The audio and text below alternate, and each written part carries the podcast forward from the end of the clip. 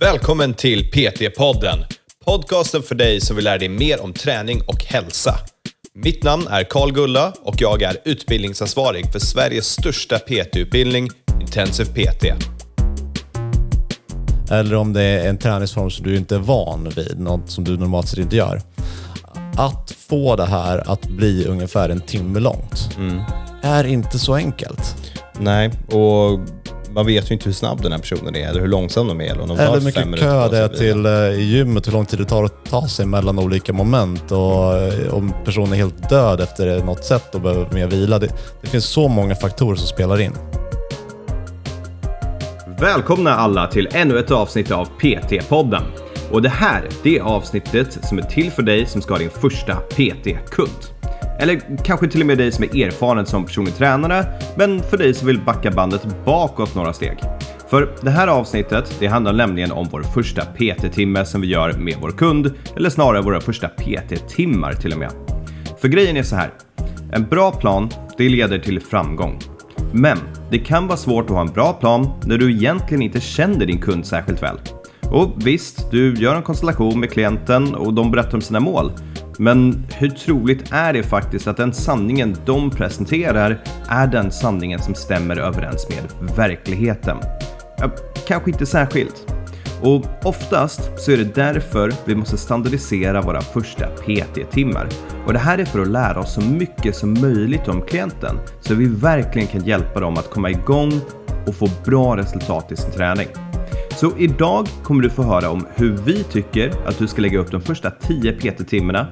Eh, och, och du kommer också höra mig som inte riktigt kan hålla masken i ett standard Karl och Andreas avsnitt. Så nu kör vi allihopa!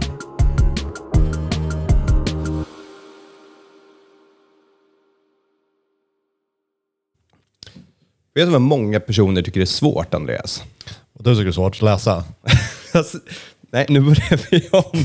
nej, okej, vi fortsätter härifrån. Det, det går inte. Du får inte vara med på den här podden längre. Jag var så oförberedd på den. Ehm, nej, jag tänkte säga det första PT-tillfället. Ja. Eller de första PT-tillfällena. Ja. Alltså, jag kan inte komma tillbaka. Jag var så oförberedd på den här. Um, de första PT-tillfällena, det tycker folk är ganska svårt. Så, och det förstår jag. Jag menar, har du inte haft en personlig tränare förut, eller har du haft en PT förut som kanske inte är superduktig, eller om du inte haft någon att följa med, eller om du är egen, då det är klart, vad, vad ska vi göra de första Vad är jobbet? tillfällena? Ja, precis. Jag vet i teorin vad det är. Ja. För jag ska göra träningsupplägg och jag ska se till att de gör det. Men i praktiken, hur ser det ut? Men vad exakt ska jag göra liksom? Så det här är det agendan som vi ska prata om idag. Hur, hur lägger vi upp de första PT-passen? Ja. När var sist du hade en första PT-kund? Det var ett tag sedan nu tyvärr, måste jag erkänna. Ge mig år. Tio, typ. Här har ni, vi har ju ett avsnitt. Känner du dig som en fraud? Känner du någonsin som en fraud när det var typ tio år sedan du hade ett kund? Ja, nej, ja, faktiskt lite ibland. Det, Men, det här är eh, bara händer nu för introt när du sa att jag inte Ja. kunde läsa. Ja, men det, det är fine, för jag förtjänar den. För att jag har inte varit speciellt aktiv. Men jag tror att vi, vissa delar av PT-yrket kommer aldrig ändras. Alltså det personliga. Sen att studier ändras, men de hänger ju på med att eh, liksom, träningstrender och allt sånt där och vad klienten kommer förmodligen prata om och fråga om. Det hänger jag på med. Men att jag praktiskt själv inte har varit i gymmet, det, det var ett tag sedan. Nej, precis. Så då, ja, det var ett tag sedan. Det ser vi att du inte varit på gymmet på ett tag. Men de här första tillfällena, det är ju, det är ju samma sak. Där, där, det kommer finnas viss variation beroende på vad du har för klient. Men om jag ska vara helt ärlig, den är, den är ganska liten. Ja. Så om vi sätter det här i kontext. Det absolut första du gör med en klient, det är ju den här konsultationen. Där du pratar med dem, gör en behovsanalys, tar reda på vad de behöver göra, vad deras mål är, vem de är. Allt det där. Vi har ju ett PT-podden-avsnitt av det. Exakt. Vi Så kommer vi, inte gå in på det nu. Vi tar vidare från där. Du har haft konstruktioner, du har sålt timmar. Ja. Vi kan säga att du har sålt tio timmar. Ja, det enkelt. kort. Det var kort tid. Men ja, vi Ja. säger tio timmar. Ja. Vad gör du nu? Nu är ju, eh, vi har precis signat avtalet. Så nu handlar det för mig om att strukturera att den här klienten ska få allt de behöver fram tills jag träffar dem vid, nästa tillfälle. Och det ska vara mest vara att de ska bli taggade. Så jag kommer be dem att eh, skriva någon typ av kostabok. Det är kanske en vecka kvar tills jag träffar dem. Eh, jag lägger upp deras Google Drive-mapp så att de har allting som de behöver. Eh, jag börjar skissa lite grann på ett träningsupplägg som inte är för detaljerat. För än så länge har jag ju bara deras information att gå på. Vad de tycker och vad de tänker och deras mål och deras förutsättningar. Jag vill gärna se lite grann själv också innan jag börjar lägga ner för mycket tid. Ja, precis. Du har ju förmodligen inte tränat den här personen eller sett dem träna. Så när de säger att ja, jag är rörlig eller jag känner att jag är duktig på det här, du, har ingen aning. Och förmodligen överskattar de sin prestation i de här sakerna. Ja. Så nu är det upp till bevis. Men jag tycker där, då, det är en ganska bra grej. Vi, vi sätter upp, om man jobbar med Google Drive, sätter man upp det, den mappen för klienten. Och det här har vi faktiskt pratat om i utbildningen, lite hur du kan jobba med själva kunden. Men all backoffice-skit, Ja. den löser du innan första Admin. passet. Ja. Och sen så tar du kanske tio minuter på det första passet och går igenom all backoffice-skit. Så att de vet vart de ska hitta sitt träningsprogram, vart de ska hitta sina bilder och allt möjligt. Brukar du eh, be dina klienter göra kostdagbok? Här, om, om de hade köpt 10 timmar och målet var att gå ner i vikt, ja men då, visst, då, då behöver vi den här kostdagboken innan. Det får kanske vara två veckor i sådana fall, för då rimligen en gång i veckan så har vi åtta tillfällen på oss att börja justera det här. Men tränar de en längre period än mig än 10 veckor, säg att vi har en kund som signar över ett år, då, då kanske jag tycker om att vänta en vecka eller två tills jag ber dem göra det, bara för att börja få en liten känsla av vad är det här för person? Hur funkar de? Hur kommer det här se ut? Ja. Jag brukar faktiskt göra det oavsett om jag har en klient som vill jobba med kostnader eller inte. Eh, just för att bygga compliance redan från början, att de förstår att det kommer behöva redovisa saker till den här PTn. Det är inte så att det kommer bara vara där en gång i veckan och sen är det bra sen. Ja. Jag vill också få, för man får en ganska bra överblick på hur personer sköter kosten bara på en vecka. Ja, absolut. Eh, De stora trenderna. Ge dem två. En vecka kan du sköta bra för att nu kommer du kolla. Men den andra veckan in, då kommer du inte orka lika mycket. Nej, de kommer förmodligen få fortsätta, men att jag har en vecka när vi ses nästa gång för att jag ska ha lite koll. Ja. Så vi har den här kostdagboken. Den kan man lägga in förmodligen ganska tidigt. Men nu, nu är vi inne på, liksom på själva passen. Vad är det du ska göra med klienten? Ja. Så vi snackar personlig träningstimme nummer ett. Ja. Screening. Ja. Och vi satt och pratade om det här lite grann innan och inte göra för korta avsnitt. Men man gör screening. Man tar reda på den informationen man behöver om kunden och hur de rör på sig. Och vad gör du? eh, Det är visserligen ganska, ganska mycket skillnad från klient till klient vad man gör för screening, men har du någonting som du alltid gör med alla? Jo, men det är ju det är faktiskt inte så mycket skillnad från klient till klient tycker jag. Utan det, det är ju, man, man, har sin bas och sen beroende på vad personen kanske presterar mindre eller bättre i så kanske man fortsätter gå med lite extra övningar åt det hållet. Men själva basen i sig, det blir typ um, ja, men en, en overhead squat, kanske en vanlig squat och sitta ner i bottenläget, alltså vanligt knäböj då. Kanske en hip hinge för att se hur de kan göra det med neutral, neutral rygg. Kanske ett marklyft med en kettlebell eller något sånt, bara för att se, kommer de kunna greppa saker och ställa sig upp med dem? Man kanske vill göra lite balanstester, man vill göra scapular slide där man står på väggen och drar upp armen. Eh, och beroende lite grann om allt det där går ganska bra, men då behöver man kanske inte göra så mycket mer. Men ofta så går inte allt det där ganska bra och man ser att det är lite problematik, så då får man kanske gräva lite djupare. Och där tycker jag om de här passiva aktiva rörlighetstesterna, så kolla flexion i axelled, internal external rotation i axel och höftled och så vidare. Och liksom bara jobba igenom hela kroppen manuellt och gärna sätta upp en filmkamera någonstans så att du faktiskt kan se det själv också när du gör det här. Så du kan, sen, för det är ganska knepigt att fota själv om du ska stå och göra internal rotation på någons ben till exempel. Om de gör det själva, då är det inga problem. Men att sätta en filmkamera så du kan ha något referensvärde på hur rörligheten såg ut. Ja. Jag har, ett, eh, jag har nog lite en annan approach där.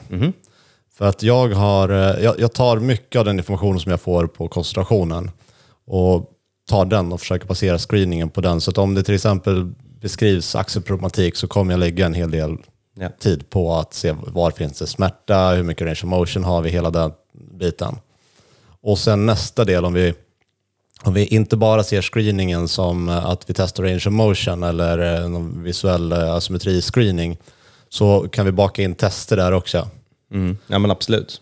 För då, då hamnar de eh, resterande delarna av tester som har med deras mål att göra. Om det är ett konditionsmål eller fettförbränning så kanske du testar lite, lite rodd, eh, burpees, eh, nå- något standardiserat där. Ja, eller kanske lite styrketester också. Typ eh, hur många armhävningar kan du göra, hur många knäböj kan du göra, kan du göra pull-ups, behöver gummiband. Det, det man vill göra på de här första, och, så här, vi, vi säger det första tillfället, men här kan enkelt vara de första två tillfällena, om man ska börja lägga in testerna också. Men det är att skapa en baseline, skapa ett referensvärde som du sen efter 6-7 veckor kan krossa, helt enkelt. Och då är det bara att ta fram tester som är i relation till vad din klient har för mål. Och om de inte har specifika mål, ta fram ett konditionstest och ett styrketest till exempel och börja där. Men håller du med om att majoriteten av klienterna som snitt PT kommer få är antingen eh, bränna fett, bygga muskler eller ett extremt ospecifikt må bättre-mål. Ja, det, det är de tre vi har. Och jag skulle också vilja motivera att alla specifika mål vi har, typ jag vill lära mig knäböj eller jag vill bli större eller jag vill få större biceps, de går in i de här ka- kundkategorierna också. Ja. Så där är ju ganska simpelt. Har du eh, liksom fettförbränning, konditionsförbättrande så är det konditionstester, återhämtningstester, den typen av test. Ja. Och eh, styrketesterna för muskelhypertrofi, eh, styrkeökning.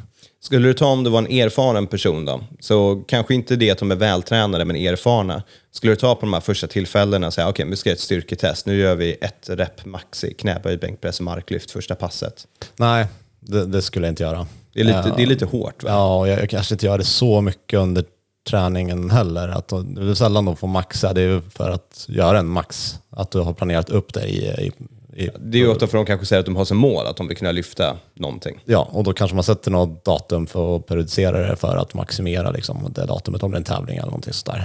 Ja. Eh, annars så ser jag ingen jättenytta med att ligga på ett RM. Nej, precis. Då kan du göra träningssätt istället. Ja. Eh, och ta reda på, men okej, vad är en hyfsat tung femma? Ja. Eller, Och har du, har du den klienten också som eh, ska tävla eller eh, har som mål att maxa någonting så kan du vara rätt övertygad om att han kommer köra sina ett RM när du inte är med. Ja. Vad du än säger. Hela det tiden. kul. Så att det, det behöver inte vi lägga så mycket fokus på. nej, okej. Så första passet, vi har vår screening och vi har lite tester. Tester. Och beroende på hur lång tid det här tar så kanske det blir det första slash lite in på det andra passet. Kanske. Jag, jag brukar försöka mixa dem. Vi säger att jag tror att det kommer ta mig två timmar totalt. En timme med screening, en timme med tester. Så skulle jag hellre lägga upp det en halvtimme screening, en halvtimme tester, en halvtimme screening, en halvtimme tester. Ja. Anledningen till det här är att ingen tycker att det är kul att göra en timme screening.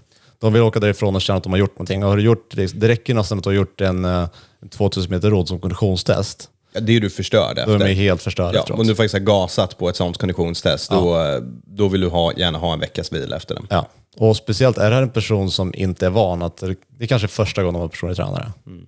Då vill ju de eh, förmodligen känna att de har jobbat varje gång, även om det är mest är psykologiskt, att de faktiskt får jobba. Det är lika mycket om de gör arbetssätt och lämnar lite i tanken till exempel. Ja, men precis. De har köpt en produkt och de vill känna värde och det är att de får röra på sig. Ja. Så, men jag skulle nog säga att majoriteten av mina de här testerna, jag, jag hinner nog ofta göra dem på en timme. Ja.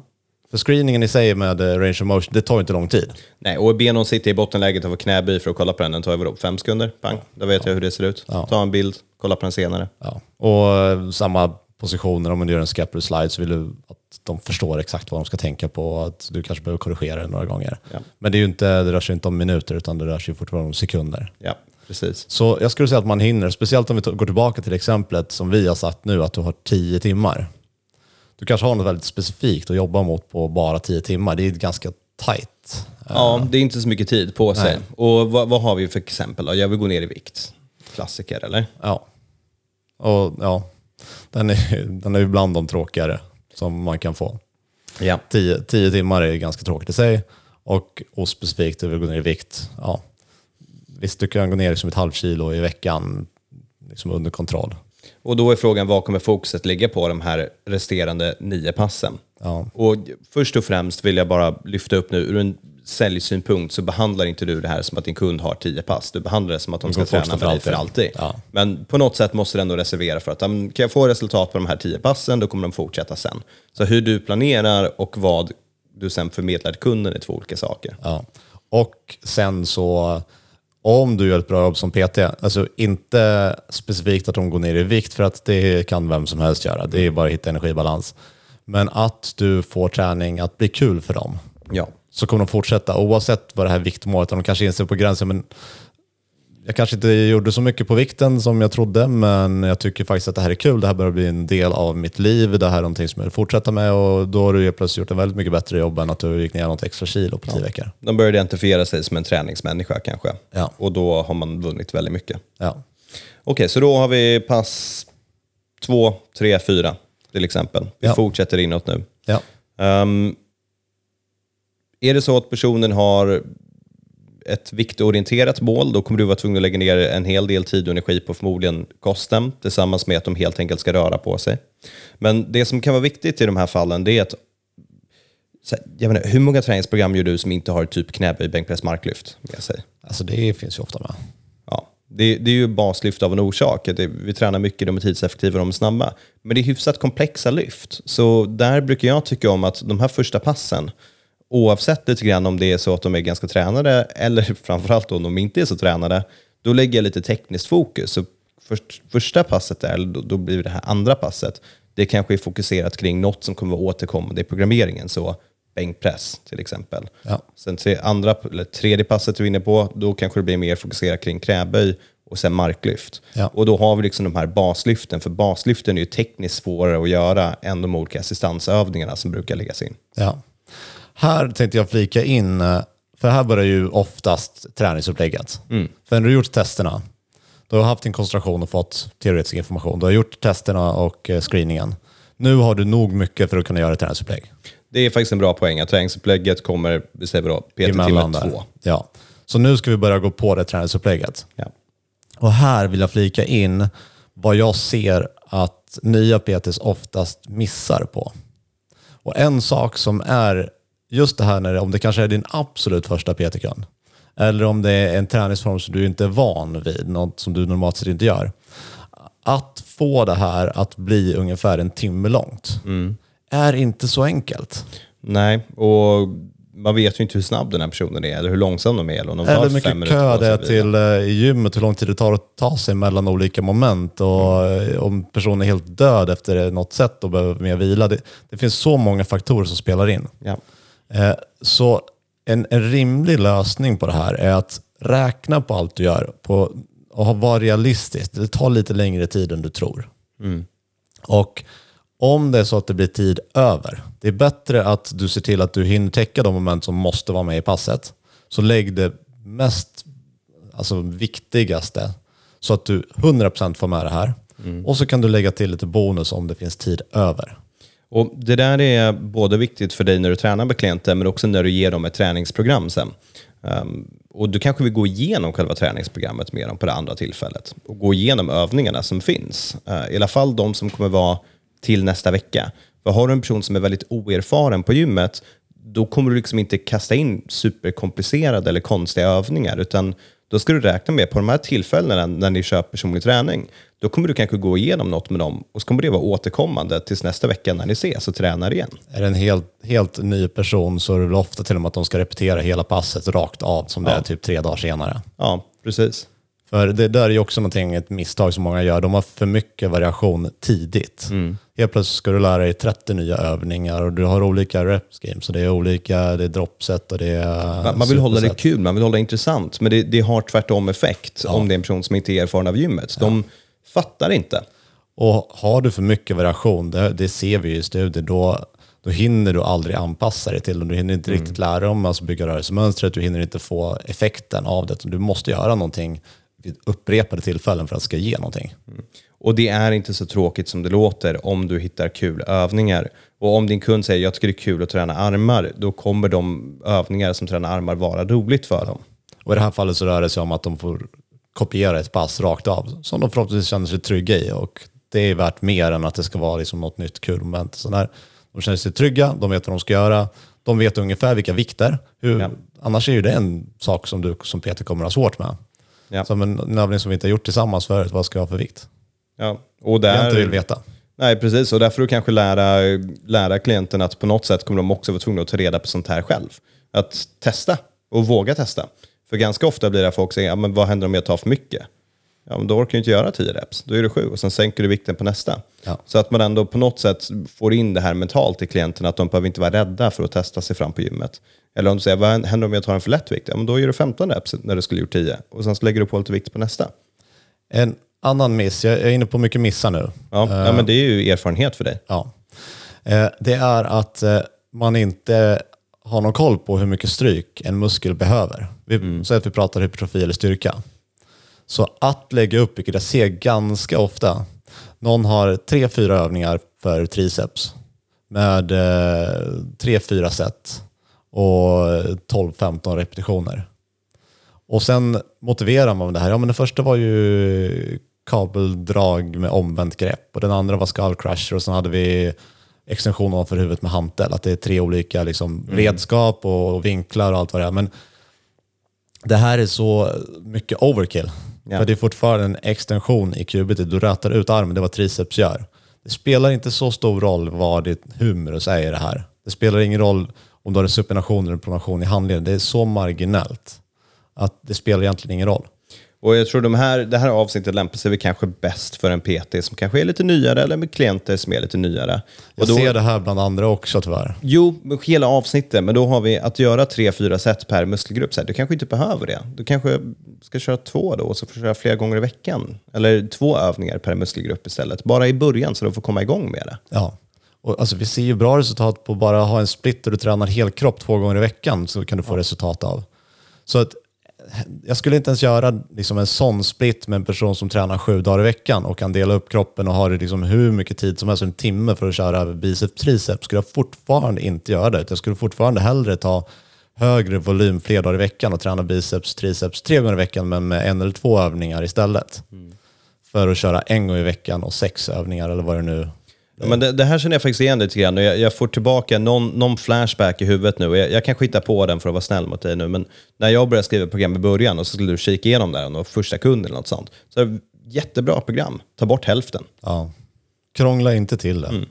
Gör det enkelt för kunden att kunna följa programmet, att kunna göra det. Nu är vi inne lite mer på träningsprogrammering, men det här ska ju primärt handla om de första passen du gör. Men de här är ju kopplade, för att de Håll första passen enkelt. du gör, de är i relation till det där. Då. Ja. Så är det så, okej, så vi tar de första tio passen nu. Nu betar vi igenom dem. Första, screening Och testar. och tester. Andra, presentera träningsupplägget som kanske kommer vara i två veckor till exempel. Du kanske inte ger dem fyra, fem veckor på en gång. Och börja gå igenom övningar som kommer att vara i det träningsupplägget. Och bara för att jag går igenom tekniskt en övning med dig så betyder inte det att vi inte sen kan lyfta lite tyngre på den vikten också. Även om det är enkla saker som rodd eller drag. Och sen om vi gör vårt liv enkelt, pass 6 till 8, upprepa den processen om och om och om igen. Gå igenom det de ska göra, ge dem hemläxan. Gå igenom vad de ska göra, ge dem hemläxan. Anpassa träningsprogrammet och sen sista två passen, då, då kanske du går tillbaka till de här testerna och krossar dem.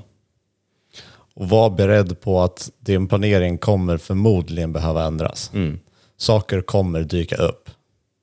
Så att det kan vara att din klient inte alls var där du trodde att de skulle vara.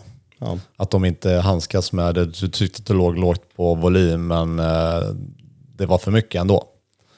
Och man kan inte få med precis varenda detalj i, i upplägget. Man kan inte tänka på alla potentiella fallgropar. Nej, och jag menar, de kan göra samma program i åtta veckor. Alltså samma fyra, fyra dagar split. Man kan göra samma program i åtta veckor, 12 veckor, 16 veckor. Det är inga problem. Det kanske blir lite tråkigt, men då får du variera det för att hålla det kul för kunden bara. Ja. Inte för att du själv tycker att vi behöver ha mer variation för att annars gör inte jag mitt jobb som personlig tränare. För vi överkompenserar och det behöver vi inte. Nej, det är väl till och med så att för att du ska kunna ge en, en trovärdig utvärdering till någonting som du har testat så måste du testa det över tid.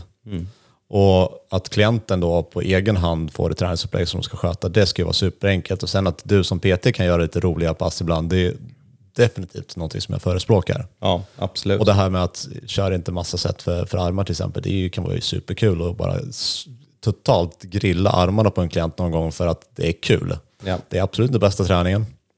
Det är inte det smartaste du kan göra, men det är kul. Den bästa träningen du kan göra, det är att göra träningen kul för klienten. För då kommer de tillbaka. Och träning över tid, det vinner över ett tio veckors perfekt program alla dagar i veckan. Ja. Ja du, Och jag tror tipsen här är, lyssna på eh, koncentrationsavsnittet igen så ser du vad vi tog över. ja, Lyssna på screeningavsnittet. som vi så ser tror du finns. Första timmen, vi tror att vi gjort ett om det.